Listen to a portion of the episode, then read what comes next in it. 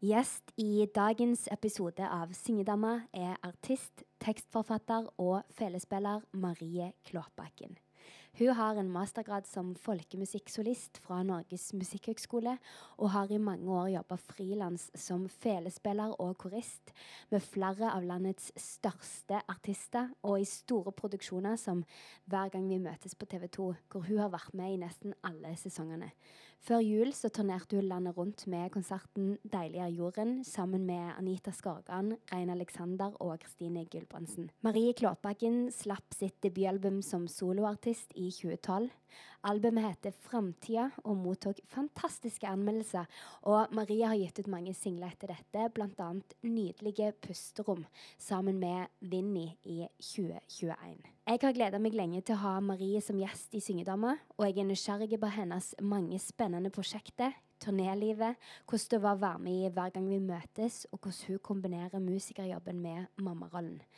Dette og mye mer snakker vi om i dagens episode. Takk for at du lyttet til Singedama, og husk at hvis du har tilbakemeldinger eller spørsmål, så setter jeg stor pris på å få en melding på Instagram hege.bjerk.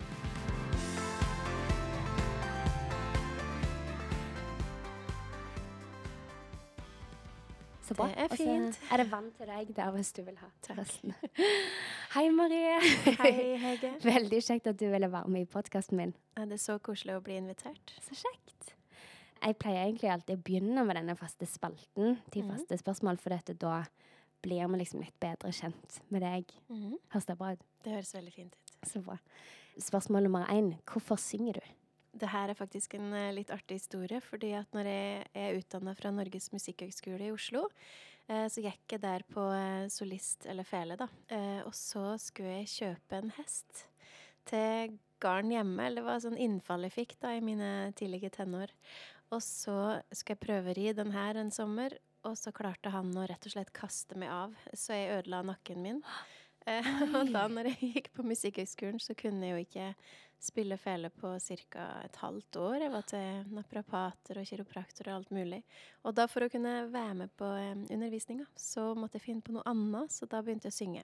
Er det sant? Ja, Oi, da, så det det var, var liksom hell i uhell. oi, det var ikke det svaret jeg forventa. Den hesten ble jo ikke kjøpt, da. Å, fy eh, søren. Nei, men nakken er god nå, Ja. liksom. aldri hatt noen problemer etterpå det, så jeg er veldig heldig med det, da. For det kunne jo gått skikkelig gærent, altså. Og Ja. Jeg har ikke hesteskrekk heller, så Har du ikke det? Nei, nei, det gikk veldig bra. Har du, ja, har du redd etterpå? Ja, ja, Ja. det har det. Mm. Oi. Ja. Å, fy søren. Nei, det var skummelt, men det var godt å høre at det gikk bra. Ja, men det er en litt Da- annerledes eh, start på sangkarrieren enn Ja. eh, mange andre. Mm. Ja, Så du begynte faktisk da? Ja, jeg begynte da. For du hadde begynt på eh, fiolin, egentlig? Ja, jeg gikk Så- eh, andre året på bachelor, og så, eh, og så måtte jeg begynne på sang, og da ble det kveing, da. Å ja. Mm, Folkesang. Mm. Det er spennende. Det må vi snakke, det må vi snakke litt mer om. Skal vi skriver. Har du en favorittvokalist? Åh, det er så mange. Uh, og jeg har drivet og tenkt på, tenkt på det her, hvem jeg egentlig digger. Men jeg digger dem som uh, synger litt annerledes. Uh, og for eksempel, jeg skal dra frem noen i Norge, da. Så syns jeg Anneli Drecker er helt Ja. fantastisk. For Ja. hun har så mange kule måter å bruke stemma si på. Og veldig inspirerende dame, rett og slett. Og jeg har jo fått gleden av å jobbe med henne. Og bare det å plukke opp litt tips her og der har vært så kult. Å, så Ja. kult. Hvordan ser en typisk arbeidsdag ut for deg? Det er Jeg er veldig opptatt av å prøve å skape meg rutiner. Eh, og nå er jeg jo heldig at jeg har en skolegutt så det, som må opp om morgenen og smøre matpakker og sende av gårde. Og, og, det, og da er det ofte at jeg prøver å få til en treningsøkt etterpå. Og så setter jeg meg ned med administrativt arbeid, for det er veldig mye det det går i når en er selvstendig. Ja, selvstendig, rett og slett. Uh, og så um, spiller jeg dessverre litt for lite fele, uh, for jeg er jo egentlig fiolinist, så det må jeg begynne å øve litt mer på. Men um, ja, dagene går egentlig ett med litt administrativt og planlegging og øving til ulike eventer og oppdrag. Og henting på skole igjen, da. Og så aktiviteter på kvelden, og så Ja. går det bånn gass. Det går i ett. Det går i ett. Ja. Ja, Men jobber du hjemmefra? med Jeg jo- ja. ja. jeg gjør det. Mm. Ja. Har du noen faste rutiner før en opptreden? Ja, jeg er liksom eh, Jeg er ikke så flink til å varme opp, eh, men jeg er veldig flink til å prøve å gå inn i eh, sonen. Og hvis noen spør meg Hvis det blir for mye fokus på det og om du er nervøs, eller å, hvordan føler du det, er du stressa, går det bra? Da blir jeg nervøs. Ja. Så jeg må, egentlig bare være med folk som som har det gøy med, eh, som gjør at fokuset flyttes. Da. Eh, det er det som er viktigst for meg når jeg skal på scenen. Men ikke noe sånn rituale med at jeg må eh, varme opp så og så lenge og klappe i hendene og Altså, det er så mange sånne rare ting. Ja. Ti, ti knebøy og ja. Men ofte hvis jeg kjenner at jeg er nervøs, så tar jeg rett og slett planken. fordi at da får kroppen bare Du blir en eksplosivitet som på en måte hele blodet bruser. Ja. Og så uh, bruker jeg opp uh, liksom krafta mi på den delen i stedet for nervene. Ja, så lurt. Ja. Men er det sånn du gjør eh, Ja, det er når du trenger det. Det er ikke sånn Ja, dette må jeg gjøre. Nei, Nei ikke når jeg, ja. Jeg snakket om det i går med en som var gjest her i går. Ja. Som sa at hvis du har sånn faste ting at du må gjøre, så er det ofte noe som skaper mer nerve. Fordi hvis en plutselig da ikke får gjort det, så blir det helt krise. Ja, ikke sant. Ja, men for ofte så er jo livet mitt er jo litt hektisk. Så da det er veldig sjelden at jeg rekker å gå inn i en, en særlig sone før jeg skal på. Det er liksom eh, reise, sminke, ja, hente i barnehagen eller skolen eller et eller annet, og så rett på scenen. Det er ja. veldig ofte den uh, oppskrifta jeg følger. Ja, sant. Ja, jeg skjønner. Suksessoppskrift fra Klåbakken der, ja. altså. Not. Ja. Hva er dine tanker om sangteknikk? Så jeg starta ganske Når jeg var ganske voksen eh, med å synge i det hele tatt, så, og da starta på folkesang, så har jeg ikke fokusert noe på sangteknikk, egentlig. Jeg skulle gjerne gjort det, men jeg føler at hver gang jeg går inn i det rommet eh, og skal lære meg sangteknikk, så er det akkurat som jeg kjenner ikke igjen stemma mi. Eh, og ja. det gjør meg litt sånn redd, fordi at min styrke er vel at det ikke er noe særlig stor stemme, men at det er på en måte den stemma jeg har. Eh, den er ikke noe velutvikla, på en måte, men den uh, duger til det jeg vil bruke den til, da. Så det er klart at sangteknikk for meg er kanskje mer det å ha overskudd til å kunne synge lange linjer og, og forme tekst og, og komme Tydeliggjøre teksten, da. Ja. ja. Jeg vet jo at du er sykt flink på sangteknikk. Nei, nei, hallo, jo, det er ikke sant. Det. Men det er veldig interessant ja, for det er jo på fiolinen. Det er jo det som er mitt hovedinstrument. Ja. Og der er jeg jo veldig opptatt av teknikk og sånn. Ja. Men sangen har egentlig bare vært en som slags en eh, venstre fot for meg. En, um, ja, skjønner. Ja, som har vært Jeg vet ikke. Så, men det er så kult at du kan gjøre begge deler. Ja, ja, jeg er veldig, jeg er veldig glad for at jeg, at jeg, kan få lov til det, altså. For jeg elsker jo begge deler. Kult. Har du en favorittmikrofon? Eh, nei. nei?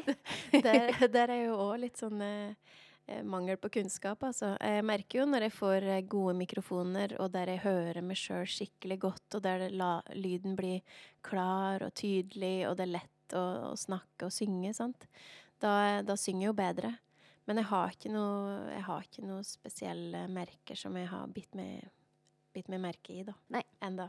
Nei. Hva drømmer du om? Jeg drømmer om å kunne få fortsette med det jeg gjør nå. Eh, en kombinasjon av det å være musiker og artist og kunne reise rundt og spre glede og følelser til andre. Jeg elsker å fargelegge andre sin musikk, så det å få lov å være musiker er jo en stor del av meg, da. Eh, men nå har jeg et sånt brennende ønske om å få lov til å dele min egen musikk òg. Så det er liksom bare å få lov til å fortsette sånn. Og ja. Eh, ja, kose meg, rett og slett. Hvis du måtte velge et helt annet yrke, hva ville det vært? Da ville det vært eh, parterapeut. Oi, er det sant? ja. Det er noe helt annet. Ja, det er noe helt annet. Og jeg snuser faktisk på det om dagen, fordi at eh, jeg liksom Jeg syns Jeg vet ikke, jeg har så lyst til å utvikle meg på, eh, på andre felt òg. Ikke bare innenfor musikken. Så mm. det kan hende at jeg plutselig tar en liten utdanning på si, altså. Oi. Ja, for det er liksom så spennende, det der med personligheter og kommunikasjon og dynamikk og alt det der. Så ja. jeg vet ikke. Jeg føler at jeg har en styrke av det gjennom jobben, for at du jobber med så utrolig mange forskjellige folk. Ja. Så, så det å se mennesker føler jeg at jeg er blitt litt flink på, da. Så, Ja. så kanskje det kunne passa. Åh, ja. Det ser jeg for meg. Ja, Og det- Ja, jeg er helt enig. Det virker veldig spennende. Og det der personligheter og det, relasjoner og psykologi, liksom. Hvordan ulike folk fungerer. Jeg tror du lærer mye om det sjøl òg i en sånn type prosess. Så det er jo kanskje det at eh, For jeg vurderte coach òg, men vi får se. Ja. Oi, spennende. Ja da. Ellers så kan jeg bare være musiker og artist. Det går òg fint. Jo, jo. Men det er kjekt å lære noe annet òg. Ja, det er det. Har du et godt råd til andre som vil bli artist eller sanger?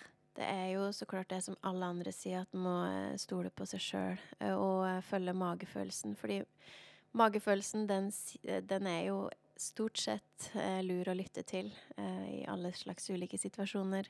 Men det å være eh, artist eller musiker og gå den retningen, det krever skikkelig bein i nesa. Og det er tidvis veldig tøft, fordi at eh, det som er Du jobber med så mange forskjellige folk, men en må huske Som oppleves som venner, sant? for at du er så mye sammen. Men du er først og fremst kollegaer.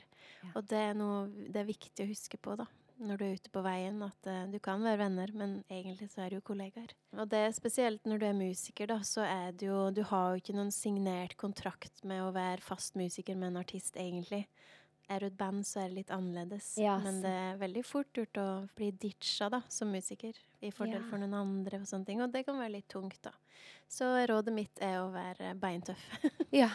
Sant. Ja, Enkelt og greit. Ja. Hva er dine tanker rundt uh, tituleringen syngedame?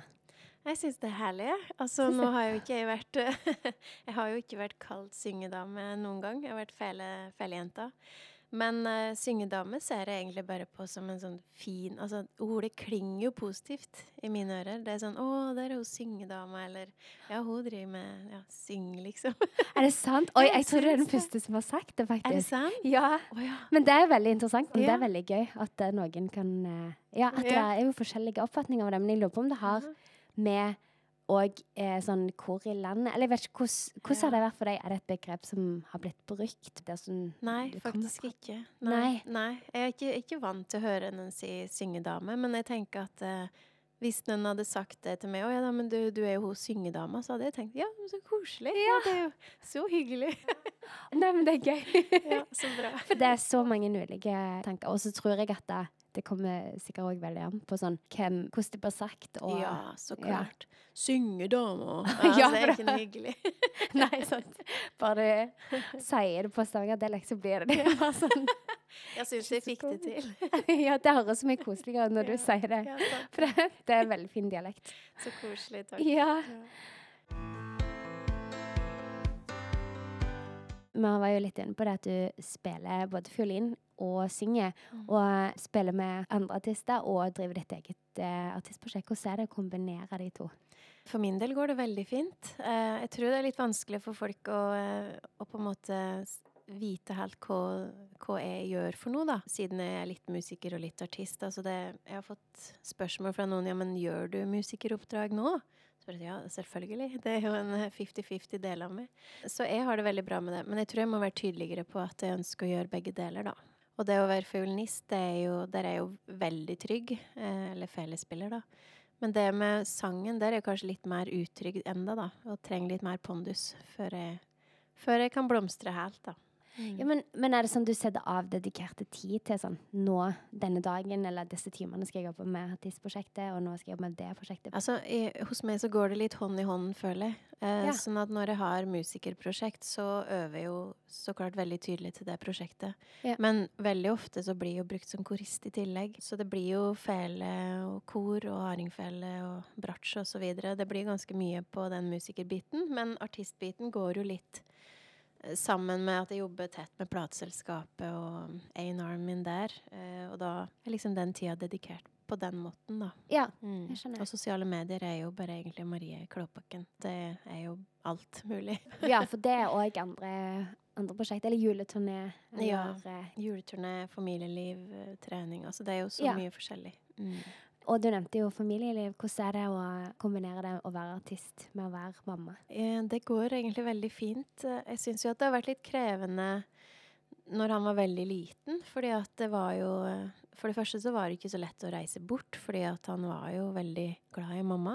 Ja. Og han har jo en fantastisk pappa, så det er jo ikke det det går på. Men det er den følelsen av å si OK, nå skal mamma dra bort, og mamma skal leve i sin lille drøm.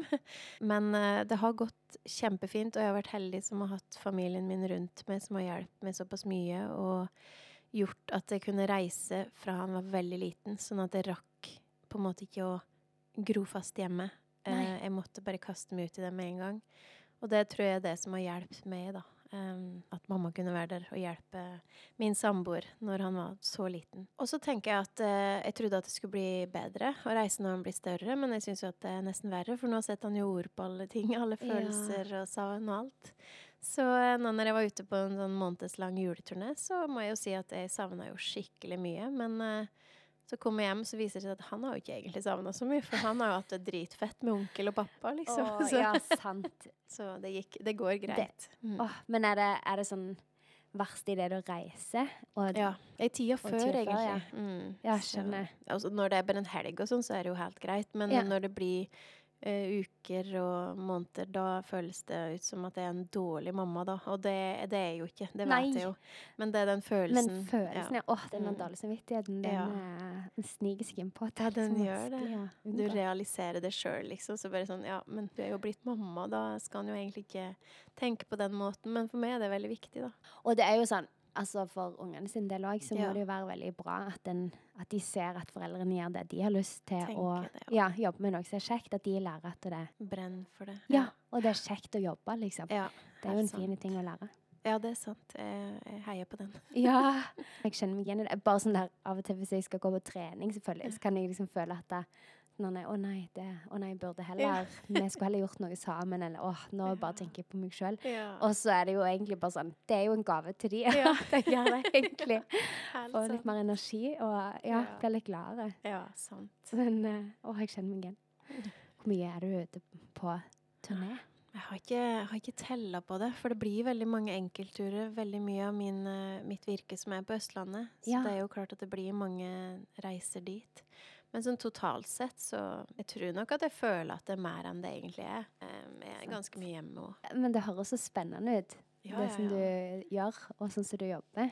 Og hvem er det du spiller fast med nå? Akkurat nå så har ikke så mange jeg spiller fast med, for under koronaen så endra jo alt seg. Eh, og nå tror jeg folk er veldig opptatt av at eh, heller mindre, mindre besetning, eh, og sitte igjen med litt sjøl for å bygge seg opp igjen en buffer, ikke sant. Ja.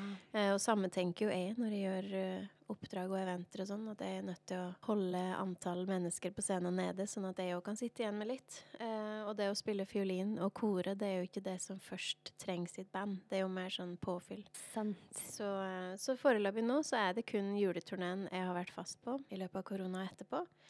Eh, og eh, så skal jeg spille en del med Helene Bøksle utover, og hun har jeg spilt med for mange år siden òg. Og Blest fra Haugesund. Ja, det skjer jo litt forskjellig. Ja. Ja, så kjekt. Og juleturneen òg. Det var med Rein Alexander og Anita Skorgan og Kristine Gulbrandsen Ja. og meg, pluss uh, musikere, da. Det var kjempekjekt. Hvordan var det ja, å være på turné igjen etter denne tida vi har vært inni? Nei, altså det var jo, Vi har jo faktisk uh, vært ute når det har vært korona òg, men det har vært med denne frykten med at oi, kan oss fullføre neste dag? Kan oss Ja. videre, liksom? Så det var jo blitt avlysninger de to siste årene. Ja. Eh, men i denne gangen her så var det jo fulle hus, og eh, det var utsolgt hver eneste kveld. Eh, kjempekjekt. Eh, magisk. Men så var det fremdeles Jeg trodde vi var ferdig med den koronafrykta, men så plutselig var jeg sånn Oi, nå var det noen i crewet som fikk korona. Skjer det at sangeren får korona og går på stemmebåndet, så må han jo avlyse, sant? Ja. Så det var den der frykten igjen.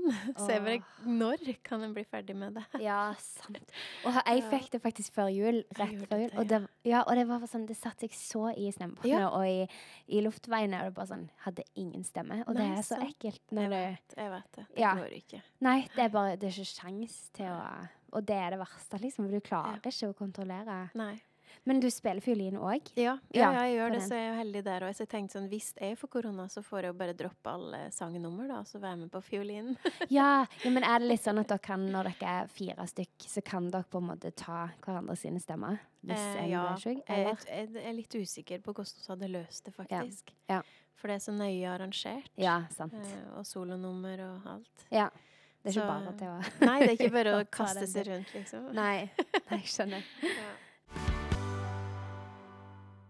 Hvordan er det å bo og jobbe i Stavanger? For det er ikke så lenge siden, eller så mange år siden du flytta. Nei, vi flytta jo for fire og et halvt år siden. Det begynner å gå bedre. Jeg har jo noen eventer og, og noen prosjekter her borte, men eh, jeg skulle gjerne hatt litt mer, da. Jeg syns Stavanger er en fantastisk by. Kjempefin plass, masse bra mennesker, kreativ eh, atmosfære.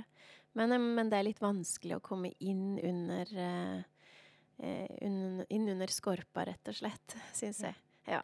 Uh, og det er jo egentlig fint, fordi at alle er etablerte med sine, sånn at det er en trofast gjeng her borte. Men uh, jeg har jo mye å tilføre, da, føler jeg. Så det Ja. er litt sånn, uh, litt sånn kjipt å sitte så mye hjemme da, og heller dra til Østlandet for å gjøre de tinga jeg faktisk kunne fint gjort her, da. Så, men jeg jobber med saken, og så får en se når folk kanskje har våkna litt opp igjen fra dvalen sin, at det blir litt mer å gjøre her. Ja, sant. Å, men det var jo Du flytta eh, ja, fire og et halvt Så det var på en måte ikke så lenge før Nei. pandemi starta og bare alt. Problemet var jo rett og slett at vi flytta, og det første året så hadde jo jeg fortsatt masse på kalenderen på Østlandet. Så jeg hadde ikke tid til noe mer her Nei. borte. Eh, så jeg måtte liksom reise hele veien for å fullføre de jobbene jeg hadde begynt på. Eh, og så smalt korona, når jeg tenkte at nå skal jeg begynne i Stavanger. Så, Ja.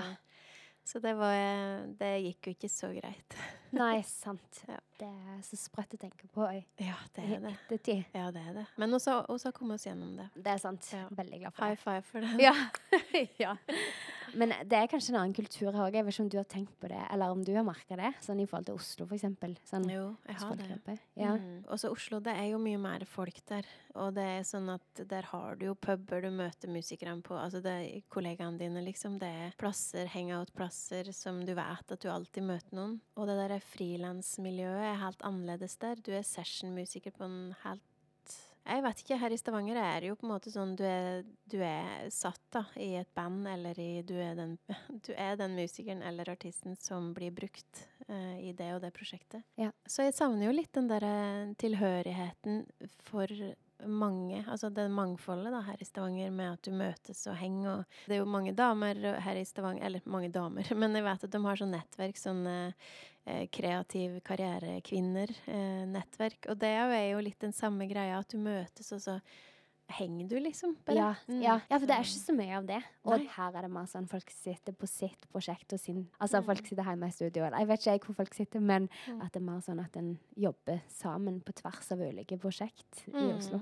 Jeg vet Ja. ikke. Det Jo, er mitt det er inntrykk, da. det. Det er det. Ja. Mm. Men eh, forhåpentligvis er det på vei til en endring. Det virker som det er det. Ja. Det er mange som er interessert i det, i hvert fall. Ja. Mm. Det er det viktigste. Ja. Kanskje du forteller litt om eh, hver gang vi møtes? For du har spilt i egentlig alle. Ja. Iallfall nesten alle. Nesten alle, ja. Ja. Eh, jeg hadde jo en pause da jeg fikk barnet mitt, så klart, Ja. på sesong seks. Men bortsett fra det så har jeg vært med helt siden starten, og det har vært en fantastisk reise. Jeg elsker den jobben. Eh, nå har jeg ikke vært med de to siste sesongene oppe i nord, men, eh, men altså den der følelsen av å kunne være med og møte alle de du har sett opp til. Altså Ja. sant, og spille med det stjernebandet som er der òg, da. Det er jo kjempekjekt. Og, og liksom bare treffe og fargelegge de artistene eh, som du bare har drømt om å møte. Og så Ja. være med å lage de Ja. nydelige versjonene. Det er så mange Ja, fine versjoner og tolkninger. av, det har eh, vært veldig fint. En kjempe, en drømmejobb, rett og slett. Åh, så gøy. Men hvor lenge har dere vært der oppe sånn, i løpet av en sesong? Første året så var det jo en ganske lang prosess, for da var alt nytt. Så da tror jeg vi jobba med det over en måned. Men vi var oppe der i ti-elleve dager. Det er Ja. liksom det som har vært uh, satt, da. På grunn av eh, Hver artist har jo sin innspillingsdag, og så har vi jo eh, lydprøver en dag eh, med kameraprøver osv. Før artistene kommer inn, og så blir det ja, dag etter dag, da. Og da, det er litt deilig, for da har du bare én dag å fokusere på istedenfor 60-70 sanger som det er. Før du kommer dit, så koker det jo virkelig i topplokket. For det er jo ikke noter og sånn, så da blir det godt å fokusere på det en annen dag. Ja, sant. Ja, det skjønner jeg. Lunsj, eh, middag. Ja.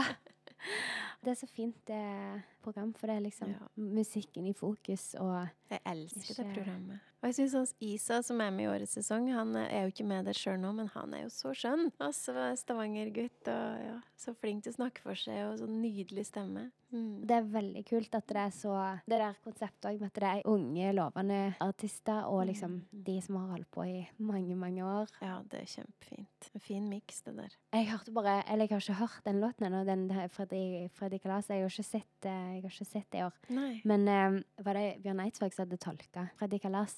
Ja. Har du, har du hørt den? Den jovial. Jovial, ja. ja, det var kjempefint. Ja. Det er så kult at det liksom kan en få en Mm. helt ny Eller nå har jeg ikke hørt den ennå, men Nei. bare sånn at Men uh, at en kan liksom tolke en sånn låt som en tenker på som liksom kanskje litt overflatiske, Mm. og det er ikke så mye dybde i. At det kan Mm. få en helt annen vinkling. Han, tok, han skjønte den jo virkelig. Bjørn Eidsvåg han har jo skjønt hva den handler om. ja. Så det var jo veldig sterkt for Fredrik, det. Mm. Nei, det må jeg ikke om jeg skal høre den. Tenkte på det i går. Om jeg skal høre den. Ja, du må se det, rett Jeg må se det. Ja. ja. Ja, vet du hva. Jeg så på mitt yndlingsprogram God morgen Norge Ja. før, før jul. Og så var du gjest, og Ja. det var en nydelig låt du hadde skrevet, som du framførte. Takk.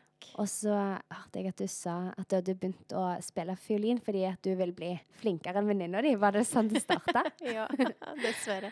Det høres jo ikke noe veldig snilt ut, men det var rett og slett fordi at eh, min eh, daværende bestevenninne, hun eh, spilte fiolin, og hun var alltid sånn tvinga til å øve etter skolen. Oh, ja. Uh, og jeg syntes at det var så trasig, for da var det jo ikke noe kjekt å være med henne. Så for å kunne være med henne, da, så begynte jeg på fiolin sjøl. Å ja. Så øvde oss jo, og det var veldig gøy, altså. Mm. Men så slutta hun, så da ja. Så du ble flinkere? Jeg ble litt flinkere. Ja. ja. Men uh, det var mange gode år der, altså. Den ser jo hvor mye tilfeldigheter det er, da. Altså, jeg hadde jo egentlig ikke tenkt over at det fantes noe kulturskole og sånn. Det var ikke snakk om på hjemmebane, sjøl om min familie er ganske musikalsk. Så da når de spilte fiolin, så var jeg sånn Oi, går det an? Ja. Yes, wow, kult, liksom. Mm, Oi, jeg skal gjøre det. Men var det andre Søsknene dine og sånn, spilte de noen ins instrument? Eh, ja, søstera, ene søstera mi spilte tverrfløyte, og den andre hun ble var tvunget av meg til å spille fele. Hun slutta jo ganske fort, da. Så mamma spiller gitar og synger. Ja, Ja, Mm. så det er en musikalsk Ja. familie. Mm. Men når var det du bestemte deg for at uh, du skulle liksom virkelig satse? Det var når jeg så den nyttårskonserten fra um, revyen. Uh? Eh, ja, at Ja. de har den nyttårskonserten. Det er et svært orkester ikke sant, som spilte, og jeg tenkte sånn Jeg skal sitte i et sånt orkester. Da var jeg kanskje 12, nei 13 år, kanskje, eh, og hørte på Arve Tellefsen på høyttaleren med øreklukker og spilte. Jamma med Arve Tellefsen, rett og slett. da. Hørtes jo helt forferdelig ut, for jeg sto der med øreklokker. Men, eh, men da bestemte jeg meg for at jeg skulle virkelig bli som dem, da. Mm. Ja. Hvor gammel var du da? Jeg tror jeg var 12-13. var ganske Ja. tidlig, Ja. Mm. Du har ikke gått vekk ifra det? Nei, jeg hadde nok en liten knekk som tenåring, sånn som de fleste andre har i 14-15-årsalderen. Men eh, da kom læreren inn og sa Hadde møte med foreldrene mine og sa at hun er nødt til å fortsette. Ja. Ja. Så ja. Oi, men det kunne på en måte kanskje gått begge veier? Ja, eller? absolutt. Og Ja. jeg øvde ikke mye på den tida, for at jeg ville jo ikke. Jeg var jo møkkalei, og jeg ville jo heller være på fest med venner. Og ja, øving var ikke helt prioritert. Nei. Var det sånn at du måtte Sa foreldrene dine at du måtte Nei, Du de, måtte, de sa nok ikke at jeg måtte, men de oppfordra meg jo veldig. Eh, Ja. og det hjalp jo at læreren sa at hun har jo et talent som gjør at Ja. hun må fortsette. Ja, det var en positiv eh, ja. Fordi det er jo veldig interessant. Det kan, eh, sånn som du sa med venninna di òg, hvis en blir tvungen til å øve, Mm, så blir det Ja. Blir det ikke kjekt. Nei, det blir jo ikke det. Det der er vanskelig. Jeg husker jeg òg gikk på piano da jeg var liten, og da var det, da var det sånn at jeg måtte øve, og da ville jeg jo ikke. Da sluttet jeg på det. Ja. Men sang var liksom Jeg tror ikke de tenkte at det var et instrument. Så det var bare sånn, det er bare noe du går på for gøy. ja, Og det var jo det òg. Det skal jo være gøy. Men mm. da var det bare opp til meg om jeg ville øve. Og da, da ble det en sånn positiv ting. Eller da hadde jeg lyst til å gjøre det sjøl. Bestemt, ja. Ja, men det har mye å si. Ja, jeg tror det. Ja. Det syns jeg er vanskelig nå med lekser. Når de skal liksom Åh, ja. umulig. Ja, vi har jo begge unger som går i første klasse, og når de liksom plutselig skal gå fra barnehagen til å begynne å gjøre lekser, og så skal de Så må de jo gjøre det. Altså, Mm. kan du ikke bare si at det er greit at du ikke gjør det. Og, det, og en skjønner at det kan være kjedelig å sitte i ro og gjøre lekser, men det syns jeg er vanskelig balanse med å på en måte Motivasjon og Ja. liksom Ja. Ja, nei, det viktigste er kanskje at en Når det gjelder instrument, iallfall at en eh, vil det sjøl. Ja, en må ha en lidenskap for det. Ja. Ellers så kommer en vel kanskje ikke så langt, tenker jeg. Nei, sant. Eller, ja. Da slutter en på et tidspunkt. Ja. Du nevnte kveing. Ja. Du begynte med det på Musikkhøgskolen. ja, fordi at jeg gikk jo folkemusikklinja, så folkesang var jo en del av uh, utdanninga der, uansett. At du har sånn uh, Oss fiolinister hadde halvtime med, en time med hardingfele i uka og en time med kveing i uka, i tillegg Ja. som biinstrument. ja. Uh, Så jeg valgte egentlig bare å få kveinga da som hovedinstrument.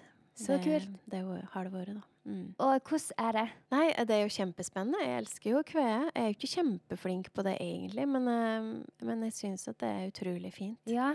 Men hvordan jobbet dere da?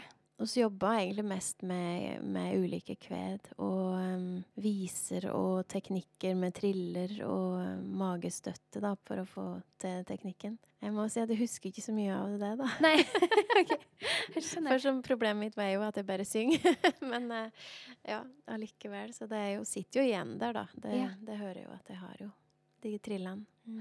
Å, det er kult. Det er en helt egen grein, liksom. Ja, det er det. Det har ikke vært så mye borti. Nei, men det burde du jo eh, forske på, du som Ja. har sånn stemmeteknikk. Du hadde sikkert eh, digga det. Ja, det høres jo veldig kjekt ut. Ja. Men hvem hadde du som sanglærer? Eh, Camilla Granlien. Å ja. Mm. Spennende. Hvordan var på en måte miljøet på musikk, eh, Musikkhøgskolen? Og Det var kjempebra. Altså, jeg savner veldig den tida med å gå på Musikkhøgskolen og ha den derre Og så hadde alltid jammer og satt på Studentersamfunnet eller Chateau Neuf da, og eh, spilte i de sene kveldstider. Og eh, hadde det kjempebra. Så det var et veldig stort fellesskap der, syns jeg. så kjekt. Men der er det klassisk og jazz og folkemusikk. Det er liksom det er Ja. de tre linjene. Sånn utøvende, Ja. ikke det? Mm. Ja. Så gikk du videre på master Ja. i folkemusikk. Ja. Men det var rent utøvende? Rent utøvende, ja. Og så Ja. tok jeg PPU i tillegg som på si, da, eh, som valgfag. Så jeg kan jo være lærer hvis, det, hvis jeg vil. ja. Genialt å ha tatt det. ja, jeg vet det, for det, Ja. det er litt sånn uh, tung lesing. Og det er sånn jeg angrer på at jeg ikke bare tok, for det hadde vært så greit å bare hatt, og hatt muligheten til å Ja, det går an å ta det nå, da, men litt yngre. Ja, jeg er enig. ja. Jeg har opplevd veldig mye kjekt, eh, og jeg har fått lov å være musiker og artist i, eh, ja, i så mange år, siden 2004, tror jeg det er. Det som er litt rart, da, at jeg har klart meg som musiker eh, og artist, er jo at jeg har hatt ekstreme nerver, alltid. Sånn at når jeg gikk på Musikkhøgskolen, så måtte jeg jo alltid avbryte når vi hadde sånn spille for hverandre-time. Fordi jeg klarte jo ikke å fullføre, jeg var så nervøs. Oh, ja, det sant? Så det tok jo så mange år å øve på det, eh, sånn at jeg kunne fullføre og prestere på det nivået som jeg visste jeg kunne sjøl, da. For når jeg sto bak lukka dører, så fikk jeg jo til alt. Men med en gang jeg det var andre folk der, så var det bare sånn Å, shit, jeg får ikke til. Men det som er at jeg er jo fortsatt veldig nervøs. Alltid. Er det det? Ja, Oi. det bare ser aldri sånn ut. Nei. Um, Uansett. ja, uansett når jeg skal på scenen. Og Ja. det er veldig eh, Sånn som til og med samboeren min sier at han ikke ser det. Eh, og Ja. da tenker jeg at det, er jo en storm inni meg, men utad så har jeg jo lært meg å takle det. Altså, det ser jo eh, ut som at jeg er bare walk in the park. Ja. men det krever mye av meg, så det er jo det der indre drivet jeg har på å drive med det her, er jo litt sånn fascinerende, da. ja. Når, det, når pulsen min er på jeg vet ikke, 170 sikkert. Åh.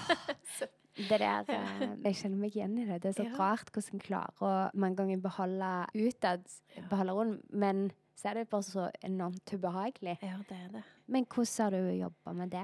Nei, altså jeg, jeg vet faktisk ikke egentlig helt hvordan jeg har jobba med det. Jeg har bare målretta vært veldig bevisst på det alltid, eh, og vært veldig godt forberedt til jobbene Ja. som jeg har måttet gjøre. Sånn at jeg vet sjøl at jeg kan 110 Ja. Men så hadde jeg en episode nå på juleturneen. Jeg var, som du sa, du hadde sett meg på God morgen Norge. Jeg våkna opp den morgenen, var dritsliten. Eller er om natta, da. Du våkner opp om Ja. natta. For du skal oppmøte klokka fem. Ja. Og kjente liksom allerede da at jeg var nervøs. Eh, at pulsen var sånn høy. Og bare shit, hva skjer her nå? Men så dro jeg på God morgen Norge og leverte en sånn halvveis bra der, for jeg var litt forkjøla før òg, så det var liksom mange stresselementer. Ja. Og så hadde det vært en halv måned på turné allerede. Eh, og så dro jeg rett videre på en sånn KLP-lansering, for der var jo julesangen min med på den Ja. som gikk nasjonalt. Og så fra der så var jeg rett på en podkastinnspilling. Og så skulle vi ha to utsolgte hus i Oslo domkirke, eh, så jeg dro rett dit. Og da, på første forestilling da, så var det, ak det var noe som skjedde, eh, som jeg aldri før har opplevd. Jeg var jo så klart stressa og nervøs, men det hadde jo vært hele dagen. Så skuldrene mine hadde jo bare vokst og vokst og vokst høyere opp til ørene. Ja. Og når jeg da sto på scenen og skulle synge mitt solonummer, så var det akkurat som at jeg mista hørselen litt. Den bare datt ut og inn. Eh, og jeg hadde ingen støtte, så jeg følte at vokalen min, altså stemma mi, var på en måte ikke på lag. Og så plutselig så jeg hadde sånn støttetekst eh, på gulvet der som jeg bare skulle kaste et blikk på. Men da ble det veldig lyst. Jeg fikk motlys, sånn at det flasha på øynene mine. Så jeg trodde at shit, nå har alle sansene mine streika. Jeg trodde jeg var døv og blind, og at alt på en måte bare kollapsa. Så jeg tenkte nå, nå besvimer jeg. Nå aner jeg ikke hva som skjer. Ja. Nå, nå er det noe gærent. Eh, og da Altså, da sto jeg jo i Oslo domkirke. Det er 800 mann, eller kanskje 1000 mann ute i salen der. Eh, og jeg skulle da briljere med det her eh, Kling no klokka-nummeret som jeg har. Eh, og det eneste jeg huska, var at den heter Kling no klokka. Så jeg sang Kling no klokka i tre fulle vers. Oh, ja. Kun den teksten. og, og det så Å, jeg kjenner sånn den der følelsen. Ja, Bare sånn Det kommer ikke. Men det var jo da rett og slett et slags panikkanfall fordi Ja. at du har kjørt det så hardt. Oh. Eh, og jeg har aldri opplevd det, for jeg har vært mye nervøs, men Ja. på en måte aldri bikka. Nei. Så da var jeg sånn OK, shit, det, det her er jo ikke bra. Så eh, en tøff lærdom. Heldigvis så hadde vi et show til, da. Eh, sånn at da ga jeg jo alt. Da tok jeg jo tilbake frykten. Jeg kom jo opp på hesten igjen og kjørte på. Eh, så jeg har på en måte egentlig bare lært at jeg klarer i hvert fall å stå i det. Ja. Men eh, det var veldig flaut.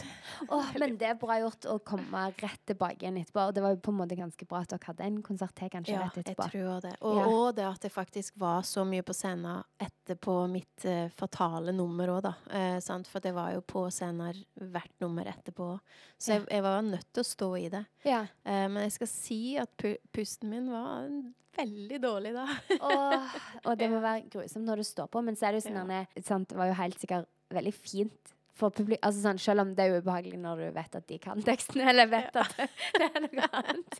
Men Ja. allikevel så var det altså sånn, Det var sikkert fint å høre på, for den teksten var den samme.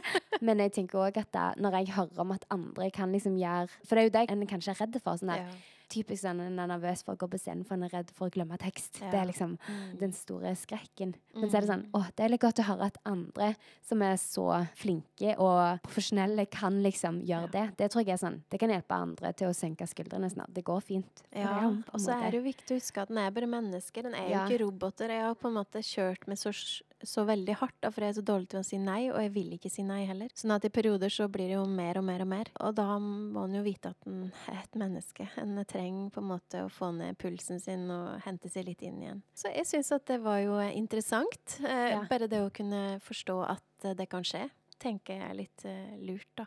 Men hvordan syns du det har vært det sånn i konserter i ettertid? Nei, det har gått veldig bra. Ja, det er ikke- Nei, og det er egentlig fordi at eh, teamet rundt meg var så flinke på å tilrettelegge. Altså vi testa mye på forhånd og, og alt sånt. Så det, det gikk eh, kjempebra. Og, men jeg kjenner jo nå at jeg er veldig sånn stressa fortsatt. Men det tror jeg er fordi at det var så heftig måned.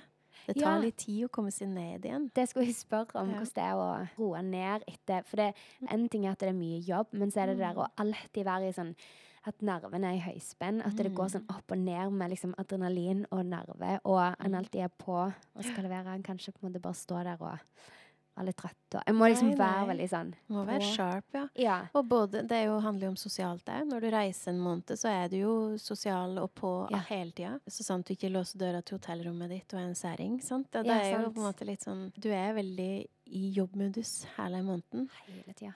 Og eh, nå har jo all, Det var en gang en eh, veldig smart uh, fyr som sa til meg at Eller ja, det var faktisk en coach som sa at etter en opptreden eller noe som har vært f.eks. et foredrag eller noe sånt for all, alle andre, da, så er det enten eksplosiv uh, intervalltrening eller kjempetung styrke som hjelper. Fordi du trenger å få ned igjen stressnivået i kroppen. Så det som hjelper meg, er intervalltrening. Men nå Ja. etter jul så har jeg vært så lat, så nå må jeg bare komme meg på treningen.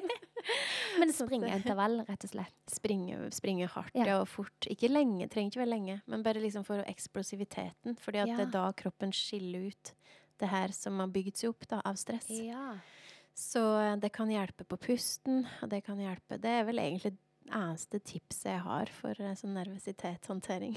ja. Oi, men det var lurt. Det funker i hvert fall for meg, da. Så det er jo som travhester. Sant? Når de eh, springer av gårde der, så må de jo trappe ned igjen etterpå. Det Ja. er vi ikke så flinke til, oss som er på scenen, føler jeg. Det er jo kanskje ta en øl etterpå, men det er jo ikke det samme som å trappe ned for sunnhet for kroppen.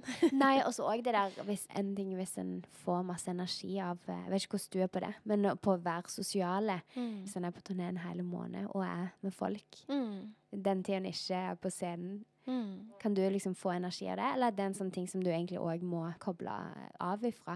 Både òg. Jeg veldig Jeg trenger min alenetid. Eh, Ja. For jeg trenger på en måte bare å være helt sånn at hjernen er helt tømt. Eh, for jeg tar inn veldig mye rundt meg. Altså sånn veldig åpen og ærlig eh, som person, og da blir jo andre det med meg òg. Så det er liksom mye det er mye å ta inn alltid. Ja. Um, men jeg elsker jo å være sosial, men jeg er veldig avhengig av alenetid òg. Så eh, det er vanskelig å svare helt riktig på det spørsmålet. spørsmålet. Men får du tid til deg på turné? Ja, eller eh, nå er vi jo blitt så trygge på hverandre, alle som er på turné, Ja. at uh, om en velger å gå på rommet etter en konsert, så blir jo ikke sånn åh, kjiping, liksom. Nei. Det er ikke sånn. Det er sånn OK, forstår, vi tar det i morgen heller, eller Ja. Men det er ikke ofte jeg sier det. Men eh, når jeg sier det, så er det fordi jeg trenger det, da. Og da Mm. skjønner en det, og det hjelper, ja. At Ja. ikke noen skal noen en skal imponere eller Ja, bevise noe for. Ja. Jeg er blitt for gammel for det.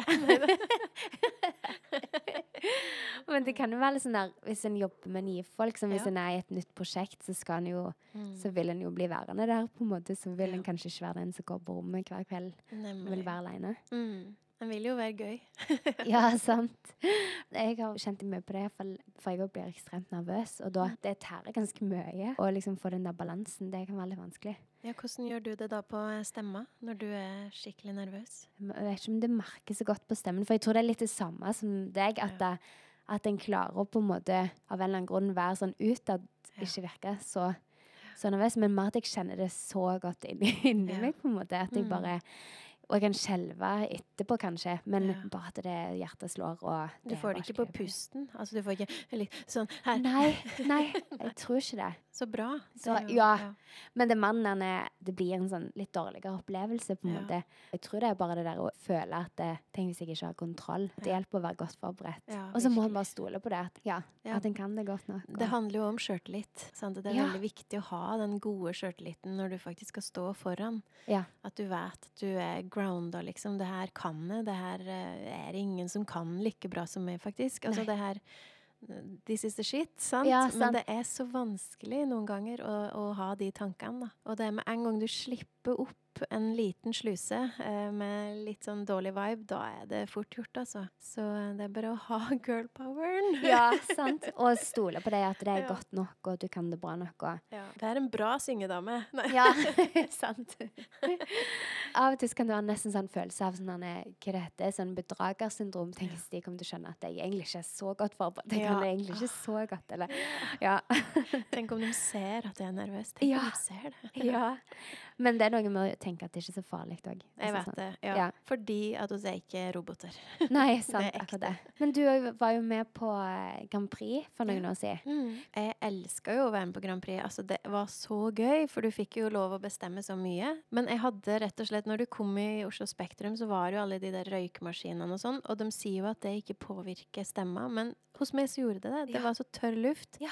Og jeg fikk liksom helt sånn øh, Følte at jeg hadde et eller annet i halsen hele tida. Eh, Så på eh, finalen så var jeg rusken, altså. Og jeg kjente at shit, det her er jo noe som kommer til å psyke meg fullstendig ut. Men eh, så ga jeg alt. Og jeg føler at jeg kan stå for det jeg leverte der, ja. Med tanke på at det var live og pressa med nerver og alt mulig. Så jeg storkosa meg, egentlig. Ja, det var kjekt. For du òg var jo med. Jeg husker så Ja. det nummeret. Ja, Ja, ja, så kjekt. Og, ja, det var veldig kjekt, men jeg syns det var så skummelt at det var leir. ja du gjorde det. Ja. Men jeg er helt enig i det der røykemaskinen. Det, åh, nei, det er ikke bra. Men det ser bra ut, men det føles ikke godt. i Nei.